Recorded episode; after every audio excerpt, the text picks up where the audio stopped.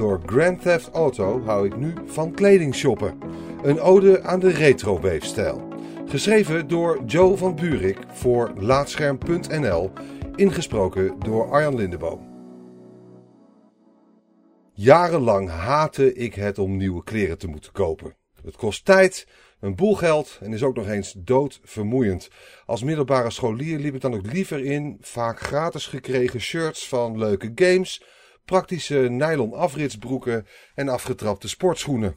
Kom mij het schelen. Mode, een eigen stijl, dat was voor popiopies. Het soort mensen dat me het hele schooljaar nauwelijks aankeek, maar voor elk schoolfeest wel vroeg of ik nog een kaartje van 10 euro wilde kopen, om daar een beetje ongemakkelijk naar luide top 40 popmuziek te komen luisteren. Pas toen ik besefte dat mijn chauffele outfit niet echt meehielp in de ontwikkeling van zelfvertrouwen en de nodige sociale vaardigheden, liet ik me vrijwillig meenemen naar een hippe kledingzaak. Met behulp van modebewuste vrienden liet ik me nonchalante overhemden en fancy jeans aanmeten. Eigenlijk niet omdat ik die zo ontzettend mooi vond, maar omdat ik het op feestjes net zo leuk wilde hebben als de populaire jongeren. Jarenlang liep ik in diezelfde modieuze outfits, totdat ze eigenlijk al lang weer verouderd waren. Op zich maakte dat toch niet meer zoveel uit. Inmiddels had ik het zelfvertrouwen om me in elke outfit prima op mijn gemak te voelen. Bovendien scheelde het tijd en geld. Drijfveer. Er veranderde pas weer wat toen ik de neo-noir film Drive van Nicholas Winding Refn uit 2011 voor het eerst zag. Die raakte me keihard. Niet eens de afwisseling tussen dromerige momenten van rust en keiharde bloederige actie, maar de elektronische soundtrack van artiesten als Kavinsky en College en algehele retro-aankleding. Letterlijk zelfs, want ik raakte haast geobsedeerd door het glimmende champagnekleurige bomberjack met een gele schorpioen op de rug dat Ryan Gosling als naamloze en veelal zwijgzame protagonist droeg terwijl hij auto's stal en mensen aftuigde. Bovenal vormde de mix van neonkleuren en synthesizerklanken uit de jaren 80 iets wat ik nooit eerder had gezien. Een aansprekende stijl die ook nog eens de even stoere als foute naam retrowave draagt. Een zijtak van de kunststroming retrofuturisme. Een beetje verdieping leerde me dat diverse games onder dezelfde noemer te scharen zijn. Voorbeelden daarvan zijn het tweedimensionale ultra-gewelddadige actieavontuur Hotline Miami, het satirische schietspel Far Cry 3 Blood Dragon en stijlvolle vechtgame Fury. Ook het veel recentere Watch Dogs 2 voldoet overigens bij vlagen aan dit predicaat, net als de feel-good racegame Trackmania Turbo. By far de meest populaire retro-wevige game is zonder meer Grand Theft Auto 5, al zijn de invloeden daarin een stuk subtieler verwerkt.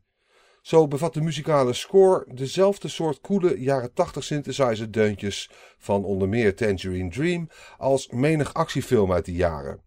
Daardoor bezorgen nachtelijke ritjes door de GTA 5's Los Angeles parodie Los Santos mij dezelfde dromerige gevoelens die ik ervoer bij het kijken van Drive. Sterker nog, het is mogelijk om een van de drie hoofdpersonages in het eerder genoemde glimmende bomberjack uit te dossen. Het zij met een gele krap op de rug. Replica's van auto's uit Drive maakten het feestje voor mij compleet. Als low-budget Gosling was ik helemaal het stuntmannetje. Online shoppen. De verkleedpret werd echter nog veel groter met de release van Grand Theft Auto Online als free-to-play extra bij GTA 5. Niet alleen omdat je daarin met een helemaal zelfgemaakte, eveneens zwijgzame protagonist auto's kunt stelen en besturen, maar omdat je hem of haar met een veel breder kledingaanbod mag verfraaien.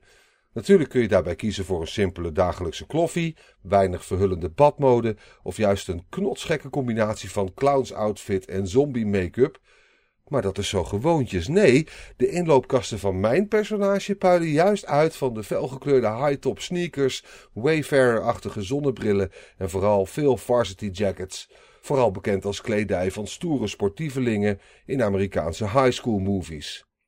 Omdat ik tijdens elke speelsessie gauw een half uur besteedde aan het uitzoeken, aanschaffen en virtueel aantrekken van hippe kledingstukken, begon ik me op een zeker moment te realiseren dat ik zomaar aardigheid had gekregen in kleding shoppen.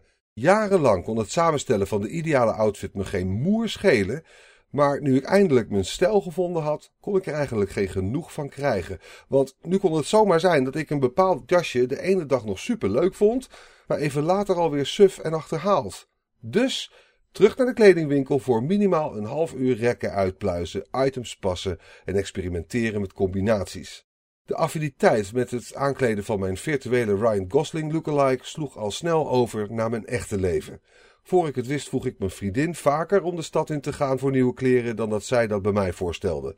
Of, opvallender nog, mailde ik haar om de havenklap linkjes van echte high-top sneakers, Wayfarer-achtige zonnebrillen en vooral veel varsity jackets. Inmiddels heb ik gelukkig ruim voldoende retro-wevige kledingstukken om me elke dag lekker stoer en dus helemaal op mijn gemak te voelen. Jammer dat de gelegenheid om naar een schoolfeestje te gaan onderhand wel een beetje voorbij is. Dankjewel voor het luisteren naar Laatscherm voorgelezen. Abonneer je ook op onze podcast Praatscherm en ga voor deze en meer verhalen, gesproken of geschreven, naar laatscherm.nl.